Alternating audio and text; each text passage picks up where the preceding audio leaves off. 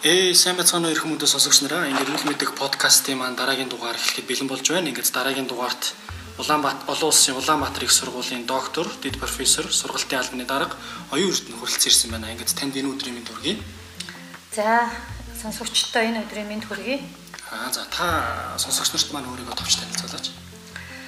За би олон улсын Улаанбаатар их сургуулийн сургалтын албаны дарга, мөн гэр бүл судлалын тэнхимийн эрхлэгчээр ажилладаг гэр бүл судлаач эрдэнэ гэж хүн байна. За миний хувьд бол сүүлийн 20-од жил бол яг Монгол улсад гэр бүл судлаач одоо гэсэн юм нарийн одоо тийм мэрэгчлэр боловсон хүчин бэлтгэх энэ одоо сургалтын үйл ажиллагаанд бол бичлэн одоо оролцож байгаа юм хүн байгаа. Өөрөөр хэлбэл судалгаа, сургалт эрдэм шинжилгээний ажил маань бүхэлдээ одоо гэр бүлийг судлах өсвөр үе залуучууд ирээдүйд гэр бүлийн боловсрол олоход бол одоо чийлдэг гэж ойлгож байна. За тэгвэл одоо таны яг нөгөө нэг үндсэн мэрэгжил яг юу вэ? За би бол өөрөө нийгэм судлалын багш мэрэгчлээ. Аа социологийн чиглэлээр бол одоо магистр доктороо бол хамгаалсан. Өөрөөр хэлбэл гэр бүлийн тухайлан судалдаг гэсэн. За ер нь хаах яагаад энэ мэрэгчлийг сонгож яваа? За их сонирхолтой л доо би одоо өөрөөр юм бол дунд сургуульд байхдаа би мэрэгчлээ одоо өөрөө сонгоцсон байсан. За тэр маань юу вэ гэхлээр би багш болно гэж бодоагүй байсан. Аа би эмч болно гэд ингээд одоо эмч болоход ер нь л одоо бүхэл оюун санаа, сэтгэл зүй, хичээл зүтгэл маань ингээд чиглэлсэн байлаа. Тэгээ 1996 онд би 10 дугаар анги төгссөн. А гэтэл тухайн жил бол боловсролын яамнаас бол одоо 96 оны боловсролын жил болгож зарлаад тухайн үед бол ЕШ гэж байгаагүй нэг конкурс гэж болдог байлаа. Тэгээ тэр шалгалтанд 6 сард болдог байсан чинь 4 сард одоо зөвхөн Монгол улсын боловсролын их сургуульд элсэгчдийг 4 сард одоо шалгалт авна гэсэн нэг тийм нэг онцлог үйл явдал болсон юм. Тэгээд би 6 сард би шалгалт өгч байгаа. А гэхдээ би юу ч гэсэн нөгөө конкурс гэж ямар байдгийг бэ нэр нь үзээтэй гэж одоо 4 сард санамсаргуу тэр боловсролын сургуулийн шалгалтанд одоо орчихгүй юу. Тэгсэн чинь математика нийгэм орс хэлээр шалгалт өгсөн чинь би ингээд одоо тэнцсэн. Тэгээд нэг л одоо хуваар байсан. Тэгээ би би бол багш болохгүй би одоо юмч болно зүгээр сонирхоод ингээд орцсон юм а гэсэн чинь тухайн үеийн боловсролын сургуулийн одоо философи нийгэм судлалын багш Дагдан гэдэг багш манай Баян онгор аймагт очсон байсан. Тэгээд би чамайг ямар ч үсэн авнаа, авч явнаа. Тэгээ манай ангийн багш энэ ч гэсэн юу ярьж байгаа юм чи 6 сард удаа ангаахын ганц хуваар ярьдаг. Чи ангаахын ганц хуваар тэнцээчгүй гүрчүү чи ангаахын нэг хуваар тэнцэхгүй бол тэгээл чи дахиад нэг жил хүлээн гэсэн үг. Тэр үед чи нөгөө юм хувийн сурвалж мөрөөл гэж байгаагүй шүү дээ. Тэгээл чи нэг жил хүлээн одоо ийм сайхан одоо их сургууль тэнцчихэд явахгүй байх гэж юу юм байдаг ингэж ингээл одоо тэгэл ээж аав маавч гэсэн өө өста нэрээ одоо их сургууль тэнцсэн юм чи явуулгүй яах вэ? гэж нийтлэг их сургууль олдохгүй байсан үе чи. Дөнгөж одоо зах зээл шилжээд 5 6 жил болж байгаа хувийн сургуулиуд гэж байгуулагдаагүй нэг тийм одоо үе байсан. Тэгээд шахалтаар би ер нь их дотроо их дурггүй боловсролын сургуульд бол нэм судлалын багш ангид орлоо. Тэгээд дотроо бол би одоо хайн энэ нэг жил сураад бол би энийг бол хайн Тэгээ дараа жил дахиад 6 сард ангаах конкурс өгсөн юм тийм баг. Нот бодолтой өөрөө хүсээгүй учраас тэгээд ирсэн. Тэгээ нэг жил ингээд сурсан чинь нөгөө өөрөө нөгөө мэрэгчлээ аюу дуртай болоо сонирхолтой болоод тэгээд одоо цаашаа үргэлжилсэн. Гэхдээ би нөгөө анхнаасаа багш мэрэгжил сонгоогүйсэн учраас би ер нь их сургуулийн л багш болох хэрэгтэй. Би эрдэм шинжилгээ судалгааны ажил гэдэг тийм их хүн болох хэрэгтэй гэсэн тийм үндсэн зорилго тавиад. 2004 онд докторт орсон чинь одоо удаан жил ажиллаагүй гэж багш нартаа бол загнуулаад тэгээд тэр үед бол нөгөө одоо магистрийн сургалт гэдэг юм чи Монгол нэг дэлгэрээгүй байсан. Магистр гэдэг бол бас багтай. Дээрээс нь докторт бол бас их тийм түгээмэл ордоггүй. Олон жил судалгаа шинжилгээний ажил хийж ийж одоо эрдэмтэн болдог тийм л үе байсан. Тэгээд би одоо багш нартаа загнуулсан гэсэн би ямар ч байсан сурна гэж зүтгэсээр байгаад ингээд сураад би 29 настай доктор хамгаалжсэн л та 2007 онд. Тэгээ би энийгээр юу гэж хэлэх гээд байна гэхээр ерөнхийдөө нөгөө ямар мэрэгчлийг сонгох гэдэг бас их чухал хэдий ч сонгосон тэр чиглэлдээ бас их тууштай байх. А цаг хугацааг бас нөгөө алдахгүй байх. А тэгээ тэр яг зорьсон зорилгынхаа төлөө одоо өөрөөр хэлэх юм бол өөртөө байгаа бүх нөөц боломжоо дайчлах гэдэг бол одоо маш чухал зүйл байдаг. Тэнийг бол би одоо өөрийнхөө одоо туулсан энэ цаг хугацаа энэ сурсан мэдсэн зүйлээ ингээд тэгээд харахаар бол яг л одоо тийм л юм байна л гэж бол хардаг. Тэгээд цаг хугацаа бол хүмүүс алдаж болохгүй. За тэгвэл одоо нөгөө сонгосон мэрэгчлэр ер нь ажиллахад танд ингээ ямар санагддаг вэ? Тэгээ одоо би 2000 онд бол Монгол Улсын боловсролын их сургууль төгснөөс хойш яг ингээд бүтэн 20 жил их сургуульд одоо ингээд багшилсан байна. Тэгээд багшийн мэрэгжил гэдэг бол яг тэр өдрөө тэр цаг минутад үр дүн гардаг мөртлөө цаг хугацааны одоо явцад бол үр дүн гардаг ийм одоо ажил. Тэгээ би одоо бол маш их сэтгэл хангалуун байдаг. За дээрэс нь миний хувьд одоо нэг хамгийн сэтгэл хангалуун байгаа зүйл юу вэ гэхэлэр зэрэг гэр бүл судлалын чиглэлээр ажиллаж байгаадаа одоо маш их сэтгэл хангалуун байдаг. Манай улсын Улаанбаатар их сургууль гэр бүл судлалын тэнхим гэж байгаа. Энэ бол Монгол ганцхан байдаг. Бид нар 2007 онд анх одоо D810 800-ыг энэ тэгсэр Монгол улсад гэр бүл судлаач гэдэг бакалаврын боловсрол хүчнийг олон улсын жишээ бэлтгэж эхэлсэн. 2009 онд гэр бүл судлалын магистрийн сургалтыг явуулж эхэлсэн. Тэгэхээр 21 аймаг 9 дүүрэгт одоо байдаг гэр бүл хүүхд залуучуудын хөгжлийн газар гэж төрийн байгууллага байгаа. Тэр ийм төрийн байгууллага одоо байгуулагдаагүй төгсөгчд маань хаана ажиллах нь тодорхойгүй байх үед бид одоо төрийн бодлогоос төрүүлээд боловсон хүчийг бол бэлтгэж эхэлсэн. За дээрэс нь одоо иргэдэд гэр бүлийн боловсрол олгох, гэр бүлийн доктортой байдлыг хангах, гэр бүлийн амьдралын сөрөг асуудлыг бууруулах чиглэлээр одоо олон сургалтуудыг бол хийж сургалтын модуль гарын авлага хүчгүүдийг бол одоо боловсруулж байна. За дээрэс нь манай улсын Улаанбаатар их сургууль бакалаврын 29 мэрэгчлэр мэрэгчлэн бэлтгэдэг. А энэ 29 мэрэгжлийн оюутнуудад 30 цагийн одоо гэр бүлийн боловсрол олгох хоёр кредитийн хичээл бол заавал ордог. Өөрөөр хэлбэл нягтланч болсон, эргцүүчж болсон, совилогчж болсон гэр бүлийн боловсролын одоо хичээлийг бол заавал үздэг байгаа. Өөрөөр хэлбэл энэ тэнхимтэй учраас заадаг. Тэгэхээр энэ болгон маань бол өөрөө одоо миний нэг хийж байгаа ажилдаа сэтгэл хангалуун байх ийм одоо нэг шалтгаан маань болдог. За миний хувьд бол 21 аймагаас одоо 20 аймаг 360 сумын бол бараг одоо 300 орчим сумаар нь бол өнгөрсөн хугацаанд бол оржээ. Сургаалт, лекц, зөвлөгөө мэдээлэл хийгээд ингээд явсан байдгийг эргээд харахад би одоо Говьлтай аймгийн төвдлөд очиж үзээгүй байна. Тэгээ бусад одоо бүх аймагуудад бол очиж одоо үзсэн. За Монгол орныхоо хэлийг одоо таарч хэлийн цэстаавууд патриотуудаар одоо сургалт мэдээлэл хийж одоо 2 жил гаруй явсан байдгийн. Тэгээд ингээд өнөөдөр миний ажил амьдралдаа сэтгэл хангалуун байх а дээрэс нь одоо бас өөртөө тий сэтгэл хангалуун байхын нэг шалтгаан болсон одоо зүйл маань бол миний энэ одоо ажил мэргэжил гэж би ойлгодог. Маш сайхан туршлага тий. Ер нь таны сонгосон мэргэжлээд ямар ур чадваруудыг шаарддаг вэ? За мэрэгжил болгон өөр өөр гэсэн онцлогтой. За багшийн мэрэгжил тэр дундаас гэр бүл судлаач хүнээс бол одоо бас онцгойлон шаарддаг тэр ур чадвар бол байна. За нэгдүгüүрт нь бол багш хүн бол маш их хүнлэг инэрэнгүү. Одоо шавнараа бол яг өөрийнх нь ээж аав шиг нь ойлгодог байх одоо тэр бол чанар бол маш чухал. Өөрөөр хэлбэл би 30 оюутанд, 50 оюутанд, 100 оюутанд хичээл зааж байна. Би тэр болгоныг хайрлах хэрэгтэй. Тэр болгоныг ойлгох хэрэгтэй байдаг. А бусдыг хайрлаж, ойлгож, хүндлэх, бусдын төлөө гэсэн сэтгэл байхгүй бол багшийн ажлыг хийх ямар ч боломжгүй. Тэгэхээр тэр нөгөө хүн нэг бүрийн дотоод сэтгэл, дотоод ертөнцийг мэдэрч таних тэр ур чадвар бол багш хүмүүст одоо нэг дүр зайлшгүй гардаг зүйл. За хоёрдугаарт бол би гэр бүл судлаач хүн. Монгол намайг гэр бүл судлаач гэдгээр нь ойлгож хүлээж одоо авсан учраас би сайн ээж байх хэвээр, сайн эхнэр байх хэвээр, миний хувийн амьдрал бас тодорхой хэмжээгээр бусдад үлгэр дуурайл болох хэвээр гэдэг. Энэ бол давхар надад бол одоо маш их одоо хичээл зүтгэл гаргах тий тэр одоо шалтгаан маань бол болдог.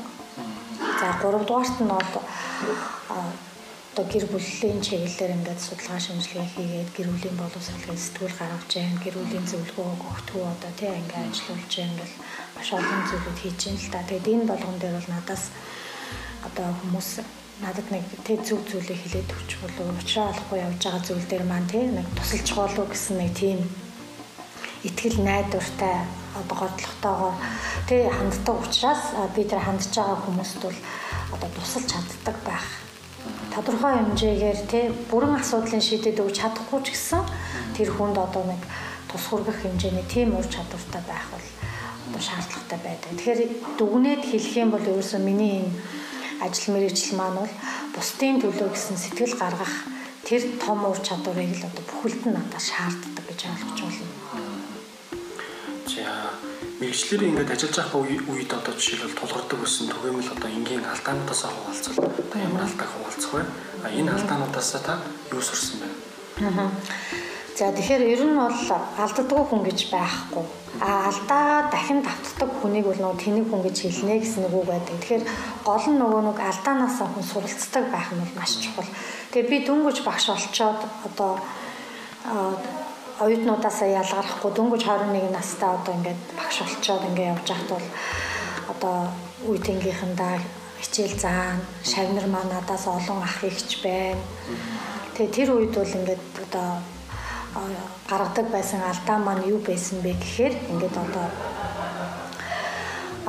юу гэдгийг шавнар би одоо тий энэ шавнартаа хичнээн тий насаар дүүч гэсэн би энэ шавнарын багш нь учраас би одоо эднэрийг зааж зөвлүүл чиглүүлэх ёстой шүү гэдэг тэр нөгөө нэг өөртөө итгэх итгэл үнэмшил бол маш их сул одоо тийм байсан нь бол одоо багшилж байсан эхний жилүүдийн бол одоо алдаа одоо байсан. Тэгээд хожимоо болвол ингээд олон жил багшлаад эхлэхээр бол бас энийгээ бол ингээд аажимдаа бол одоо өөрчлөгдөж эхэлдэг. Гэхдээ би одоо ч гэсэн надаас тий Ахмад шавнараа бол би ахаа ихчээ гэж дууддаг байхгүй одоо ч гэсэн би тэгж дууддаг. Одоо манай магистрийн сургалтанд чинь надаас зөндөө ах ихч хүмүүс орж ирэн. Би хизээч одоо тэр шав гэдэг утгаар нь хизээч чи гэж бол хэлдэггүй.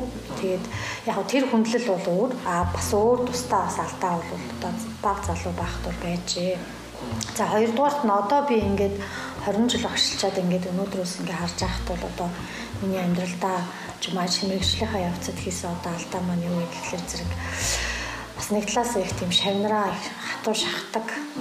Тэгээ тийм л одоо заримдаа тэр маань нэг алдаа болчих гээд байх тал бол байна л да. Тэгээд э, нэг юм миний алдаа гэх юм уу дутагдал гэх юм уу одоо эсвэл давуу тал юм уу би бас ойлгодог ингээд бусдыг яг өөр шигээ байлгах гэдэг. Ингээд би одоо энэ Тэгэд оржийн насан дээр би ийм байсан шүү дээ. Тэгэхэд одоо дорж даанчтай ийм байх гэжтэй гэдэг ч юм уу ингээд нэг өөртөө адилтгах гад байдаг шаардлага тавиад байдаг. Тэгэхээр зарим нь ингээд бүр харшлаад ингээд бүр сургуулаа хаяад одоо тий явцдаг ч юм уу. Бүр ингээд миний хичээлд ингээд бүр миний хичээлс ингээ халшаад байдаг ч юм уу. Тэгээ тиймэрхүү тохиолдлууд бол маш их гардаг. Тэгээ энэ одоо миний алдаа юм бол мэдээж хүн болго ялгаатай шүү дээ. Тэгээ гэтэл нөгөө би ингээл яг адилхан төвшөнд байлгах гал одоо байдаг. Тэгвэл магадгүй одоо нэг мэрэгчлэрийн ажиллаж байх үеийн сайн туршлага гэвэл одоо та яг юу хаалцах вэ? Ажил хийгээд явж байхад бол одоо сайн муу янз бүрийн зүйлтэй нүүр тулна л да. Тэгэхээр яг одоо ингээд харж байхад бол хамгийн сайн туршлага маань юу гэхээр зэрэг ер нь би одоо багш хүн чинь ингээд хүнд юм заахтаа нөгөө нэг тэр тэр хүний цаашаага нөгөө нэг илүү их сурах хөгжих тэр хүсэл эрмэлзлийг нь бий болгож өгөх тэр л ерөөсөө аюул чухал байдаг байхгүй ингээд хичээж байгаа хүний урмыг нь хуглахгүй байх одоо маш чухал. Тэгээ миний нэг сайн туршлага гэвэл одоо маш их урамшууллын аргыг хэрэгэлдэг. Одоо сургалтын үйл ажиллагаанд тэгэхээр нөгөө гайхаж магадгүй одоо оюутнуудыг ингээл жоохон хөвч шиг тийм магтаал цаашаагаал байх ч одоо бас та сони юм да гэж бас бодож иж магадгүй. Тэгээ ер нь бол нөгөө хүнд ингээд нэг итгэлээ авч одоо тий асааж өгнө гэдэг бол аюул чухал байдаг. Тэгээд хүн чинь нөгөө нурмаар тэгдэж байдаг. Тэгэхээр тэр тухайн хүний бодит чадварыг үнэлж урам зориг өгөх гэдэг бол ер нь аюул чухал байдаг. Одооны залуучууд бол ялангуяа тэр нэг захируулж, зандруулж, шахуулж, шаардуулж ажиллах гэхээсээ илүү тэр нэг жоохон урамшиж ажиллах тий хөдөлмөрлөх тийм сонирхолтой болсон юм уу гэж боддог. Тэгэхээр миний ажлын одоо гол зүйл маань бол одоо энэ л байгаа. За тэгвэл ер нь сайн мэрэгчлэн гэж юу хэнийг хэлэх вэ? За одоо энэ подкастыг сонсож байгаа бас олон тий залуучууд хүүхдүүд ирээдүйд ямар мэрэгчлэлтэй болох вэ гэж бас бодож байгаа байх. Тэгэхээр мэрэгжил сонгоход хүн гурван зүйлийг анхаарах хэрэгтэй. За хамгийн нэгдүгüүрт нь бол өөрийнхөө хүсэл мөрөөдөл хүсэл сонирхлыг нэгдүгээр тавих хэрэгтэй.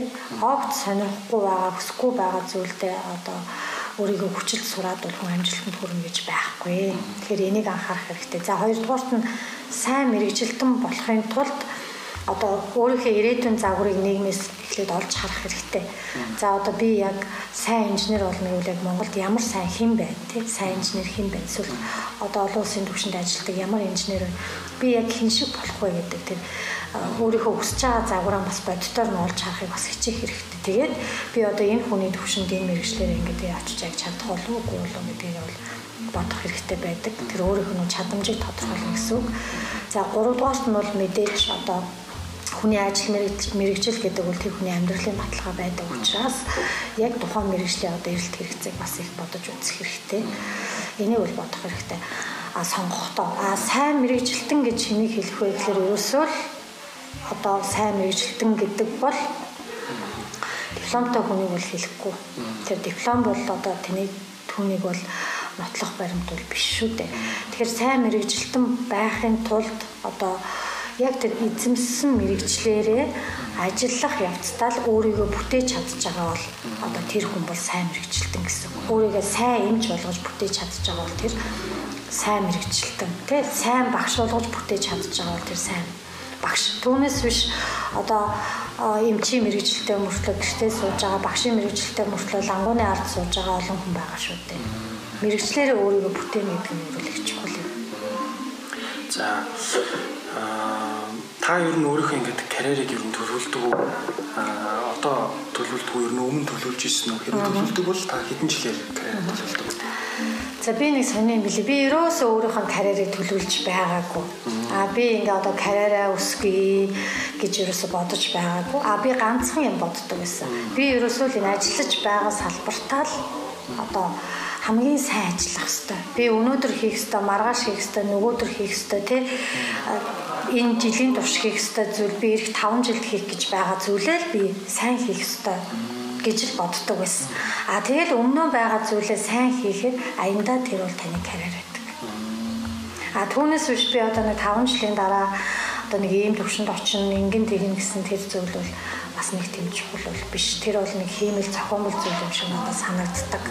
Тэгэхээр яг өөрийнхөө хийх гэж байгаа зүйлд сэтгэлээ шингээгээл яг үр дүнтэй үнэхээр сайн чанартай одоо хийж чадах юм бол аяндаа л таны нэр хүнд өссөн байдаг.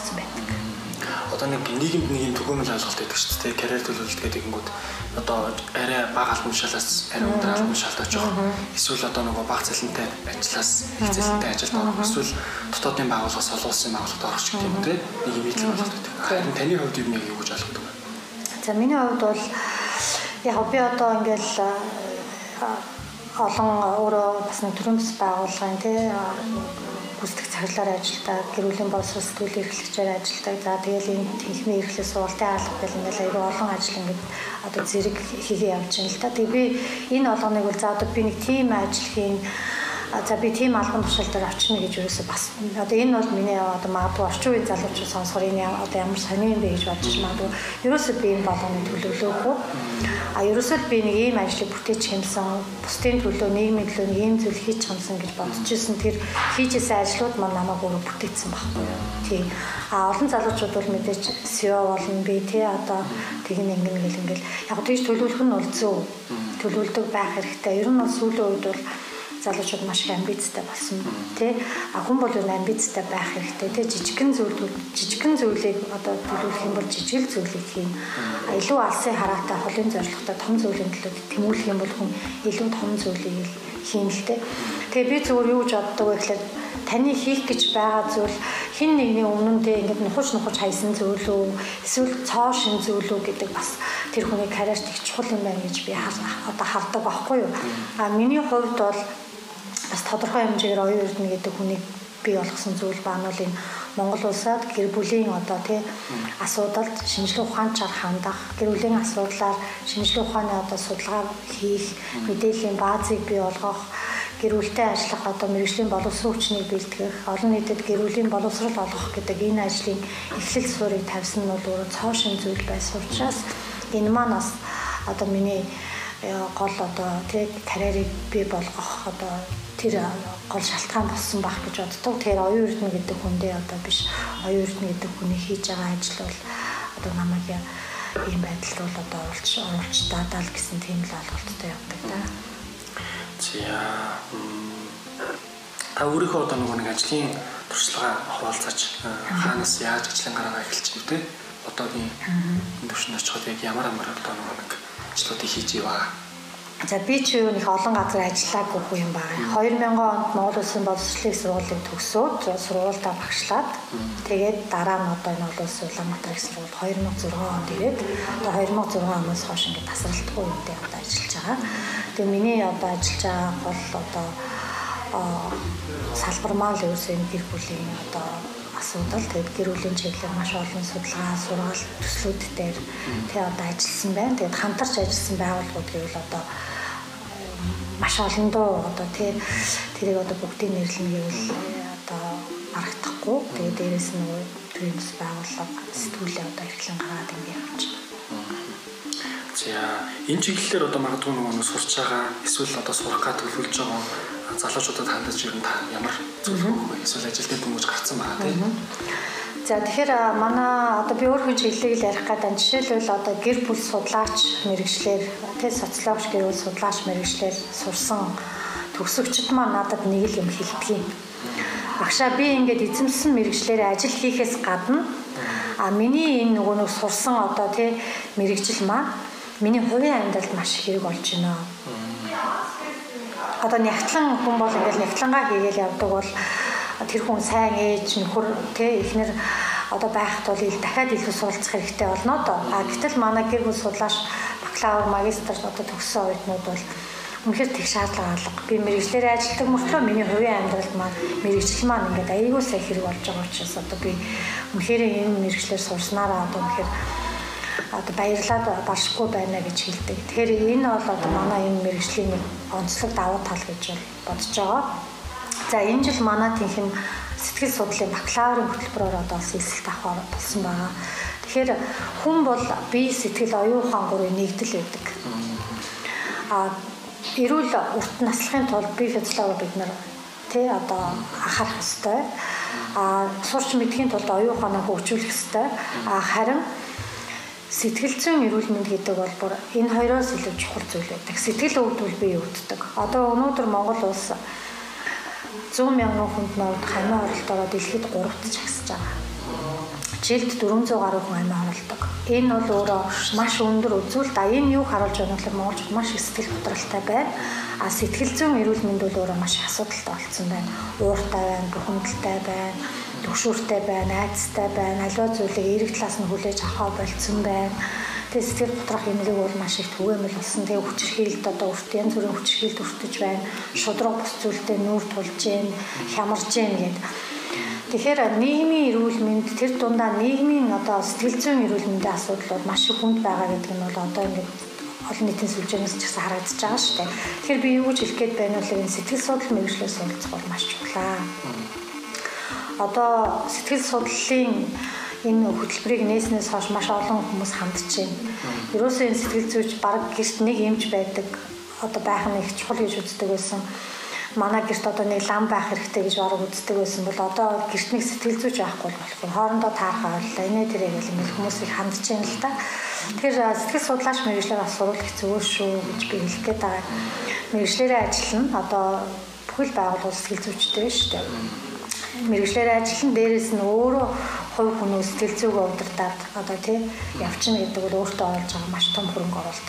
Тэгэхээр манай одоо миний ажиллаж байгаа энэ сургуулийн миний удирдах байгаа тэнхимийн одоо бэлтгэж байгаа энэ гэр бүл судлаач, социологч, сэтгэл судлаач гэдэг энэ хоёр мэрэгжил бол одоо ийм онцлогтой. Мэрэгчлэрээ ажиллан дээрээ хувь хүн өөртөө маш одоо том хөрөнгө оруулалт одоо хийн гэсэн үг. Тэгээд Монгол улс бас нэг сэтгэл эмзэглүүлсэн асуудал байна л да. Жилд 4000 гаруй гэр бүл аль биесээр шүүхөр гэрэлтэд цуцлуулдаг. Үүний цаана хамтран амьдарч байгаа салж байгаа а салчихсан шүүхөр орохгүй байгаа гэр бүлүүд маш их байгаа. Дунджаар нэгээс хоёр хүүхэдтэй салдаг. Аавтай мөртлөө аавгүй, ээжтэй мөртлөө ээжгүй амьдралыг хүсээгүй мөртлөө хүүхдүүд сонгож байна. Гэр бүл салтын золиос бол хүүхэд багчууд маань болоод байна А гэр бүл салдыг одоо бууруулах хэрэгтэй байна. Дээрээс нь гэр бүлийн хүчирхийлэл 5 гэр бүл тутмын 3 нь хүчирхийлэл харилцаатай байна гэсэн судалгаа гарчихсан. 4 хүүхэд тутмын 3 нь ямар нэг байдлаар хүчирхийлэлд өртөж байна гэсэн судалгаанууд бол гарчихсан байгаа. Тэгэхээр энэ гэр бүл судлалын одоо мэрэгчлэн гэдэг бол нийгэмд бол маш чухал одоо эрэлт хэрэгцээтэй ийм одоо боловсруучсан болж төгсөх юм аа. Одоо магадгүй нөгөө нэг бакалавра ингээд өөр чиглэлээр хийцэн ажиллаж байгаа. Гэхдээ ингээд нэг юм сэтгэл зүйн чиглэлээр ингээд сурч байсан гэдэг тийм түрүүний таны хэлжсэн сэтгэл судлаачаар заа сурчвал ер нь зүгээр юм байна. Миний амьдралд ч хэрэгтэй байна, надад ч хэрэгтэй байна тийм. Гэхдээ бакалавра төгссөн. Ажиллаж байгаа тийм. Тийм бол магистрт сурч болно. Магистрт сурч болно. Тэгээ Тэгэхээр магистрт манай гэр бүл судлалын магистрт сурч болно. Гэр бүл судлалын магистр маань дотроо үндсэн 3 бүлэг хичээл ордгийг. А нэг дэх бүлэг хичээл нь бол яг энэ нэг судалгаа шинжилгээ, социологийн судалгаа одоо яаж хийх вэ? Ямар ямар одоо програмууд дээр ажиллах вэ? Тэр судалгааг одоо судалгааны чиглэлийн хичээл орно.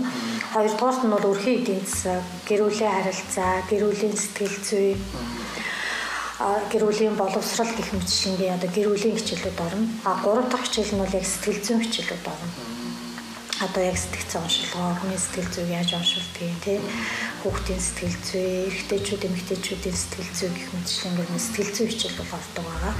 За дээрэс нь манай энэ хөтөлбөр маань бол нэг дээр нэмэх нэг хөтөлбөр аахгүй юу. Нэг жил Монголд сураад үлдсэн нэг жилээ Солонгост одоо сурдаг. Тэр хөтөлбөрт бас хүсвэл хамрагдаж болно. А Монголдо ч бас төгсөж болно. Хамрагдах юм бол олон улсын Улаанбаатар их сургуулийн гэр бүл судлалын магистрийн диплом аавна. А бүгд найрамд Солонгос улсын Сүгмэ их сургуулийн гэр бүлийн менежментийн магистрийн гэсэн хоёр дипломтой бас төгсдөг. Тэгээ ийм бас онцлогтой байгаа. Тэгэхээр одоо бакалавртай хүмүүс маань орж болох. Одоо энэ жил ихэд сая бол манайх ингээд төгсөлтөө хийчлээ.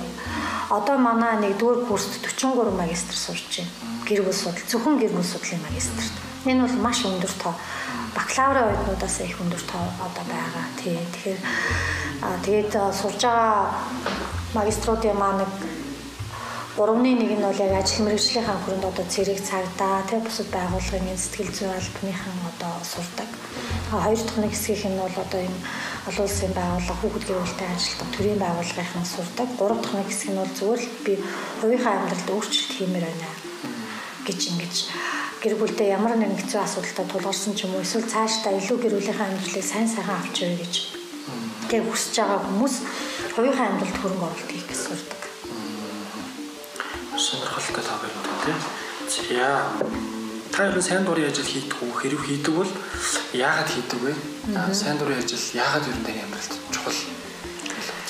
За би бол маш их сайн дурын ажил хийдэг. Ерөөсөө одоо хүмүүс ингээл одоо ямар нэгэн ажил хийх сайн дур ажил гэдэг бол баг ингээд надаа хэрэггүй ч юм уу тий ашиггүй ч юм уу эсвэл ингээд цагийн маань өрдөг зүйлж гэж боддог ч юм уу тиймэрхүү хүмүүс бас их байдаг. Тэгээ би ер нь сургуулаа төгснөөсөө хойш л ер нь сайн дурын ажил хийсэн. Янз бүрийн ажил хийсэн. За сайн дурын ажил хийдэг шалтгаан маань бол ерөөсөө л миний зөв сэтгэлээс гардаг. Хүн хэд наслсан чухал биш. А хэн байсан бэ гэдэг чухал. А миний нэг амьдралын зарчим байв гэхээр хүнд ерөөсөө түүг удахгүй байх юмсан гэж боддог. А тэгээд нэг юм надад одоо тий хүн ингээд одоо юу гэдэг энэ хүн хэрэг болно туслана туслаач гэж хандах юм бол би ямар ч тохиолдолд яаж игээд би тус хөрөөдөг байх хэвээр. А дээрэс нь би хэн нэгний төлөө ямар нэгэн зүйлийг тэгээ одоо өөрийнхөө санаачлал хийдэг байх хэрэгтэй гэдэг нэг тийм амьдралын зарчим бол байдаг. Ер нь бол нөгөө санаа зүг бүр заяа зүг гэж үг байдаг. Тэгээд би ингээд сайн дурын ажил хийгээд бусдын төлөө юм хийгээд байхад аяндаа л одоо миний ингээд амьдрал ахуй ажил ус бүх юм ингээд бүтээл ингээд аюу аюу сайхан байгаа юм шиг ингээд надад бол мэдрэгддэг. Тийм учраас би одоо бусдын төлөө ямар нэгэн зүйлийг хийх юмсан гэсэн тийм бүр хүсэл эрмэлзэлтэй. Тэгээ би ч одоо ингээд нэг одоо корона гэж хөдөө орнотыг явахгүй маш их хөдөө явна. Тэгээ тэр аймагт сургалт хийе явж, энэ аймагт сургалт хийе явж нэг тэгэл хүмүүс хартаал хөө хоёрт нь одоо нэг өдрөл тэнд нэг өдрөл энд тест маш их мөнгө олоод ингээл зайгүй ингээд сургалт хийгээл яваад байгаа гэж ойлгодог хүмүүс байдаг. А гэтэл тэр их сургалт мэдээл хүмүүсийн төлөө хийгээл яваад байгаа юмны маань бол 50% нь миний сайн дурын бусдын төлөө хийж байгаа л ажил маань байдаг. А таны нөгөө нэг сайн дурын чиглэлээр төлөв билүү те байгуулсан гэж сонсч байсан. Тэр туршлагаасаа тавс болчих. яг нөгөө оюутнуудын илүү нөгөө нэг багаас нь сайн дурын ажил хийдэг тий болох гээд сайн дурын оюутнуудын тийм одоо клуб байгуулад тэгээ тэр клубээрээ дамжуулаад бас хүмүүст тус хүргэдэг тийм ажлыг үл хийдэг байгаа. Тэгээ энэ маань бол зүгээр л хинч ороод тэр одоо ажиллахад нээлттэй тийм клуб аа тэгээд гол нь тэр клубт орж ирснээр нөгөө оюутан залуучууд маань хүнд тус хүргэн гэдэг чинь ямар сайхан юм бэ гэдэг мэдрээсэй гэж боддог байхгүй юу. Тэр хүнд туслана гэдэг чинь одоо гайхалтай зүйл шүү дээ. Тэр тэрийг мэдрээсэй тэгээд тэр ажиллаараа дамжуулаад бас нийгэмд зөв хүн болоосаа монголчууд чинь цөөхөлхнө шүү дээ. Гурван хурш аюулаа. Тэгэл нэг амин хувиа хичээгээд байвал одоо тэг цаашаа явахгүй. Тэгэхээр нэг зөв хүн болж төлөвшөөсэй. Дээрээс нь нөгөө багаар ажиллаж сурна, бусдтай харилцаж сурна. А тэр ажлыг хийж явах хэвчээ тэр хүн чинь өөрөө хөгжих хэвээр. Тэгээд сургуулаа төгсөөд ажлын байран дээр гарахад тэрэнд туршлага болох хэвээр гэсэн тийм одоо шавнарынхаа төлөө тийм одоо ажлыг зохион байгуулдаг байгаа. Ер нь монголчууд ч юм бол айл хүний амныг сайхалт хүний санаа мэд гэдэг штеп тийм нэг нийтийн төлөө нийт нэгin төлөө гэдэг. Гэтэл өнөөдөр хурш айлд нь хүч хилүүлдэг жагтал одоо тусалж сэтгэлгүй байж байгаа л одоо ч нь олон хүний амнаас сүйдсэн тийм кейсүүд бид нар зөндөө сонсож байна шүү дээ. Тэгэхээр л бусдын төлөө гэсэн сэтгэлтэй л байх хэрэгтэй. А бусдыг хайрлаж чаддаг, бусдын төлөө гэсэн сэтгэлтэй хүн бол бусдад муу юм хийдэггүй. За маш сайхан туршлага байна. Аа манай ерөөдөө нөгөө нэг ярилцлагын маань асуулт бол дууссан байна. Хамгийн сүүлд нь би нэг асуулт асуултын зочдоос мартагдсан монгол үг гэдэг. Энэ маань болохоор яг мартагдсан гэхээс илүүтэйгээр бид нар ингээд он цаг одоо өөрчлөгдөх тусам залуу үе гарч ирэх тусам жишээлбэл ингээд бидний хуучин ингээд ашигладаг байсан үгнүүд мартагдаж байна. Тэгэхээр магадгүй одоо нөгөө нэг таны сэтгэл зүрхэнд үлдсэн те нэг юм хуучны үг байвал тэрийг бас боллоо. Ерөөсөө одооны залуучуудад би эрхийг сурахаар бэрхийг сур гэдэг үг л хэлмээр байна. Тий. Яг цаг сайхан болж байна залуучууд хүүхдүүд маань хойч үе маань аз жаргалтай сайхан өсөн торомж байна. А гэхдээ бас бэрхтээ нүүр тулахгүйгээр энэ хүртийн холын замыг бас ингэж хүчтэйгээр даван туулж чадахгүй. Тийм учраас эрхийг сурахад бэрхийг сурах хэрэгтэй. За маш их баярлалаа. Ингээд э, энэ удаагийн дугаарт маань олон улсын Улаанбаатар их сургуулийн доктор, дэд профессор, сургалтын албаны дарга Оюун Эрдэнэ оролцлоо. Ингээд танд маш их баярлалаа. За баярлалаа.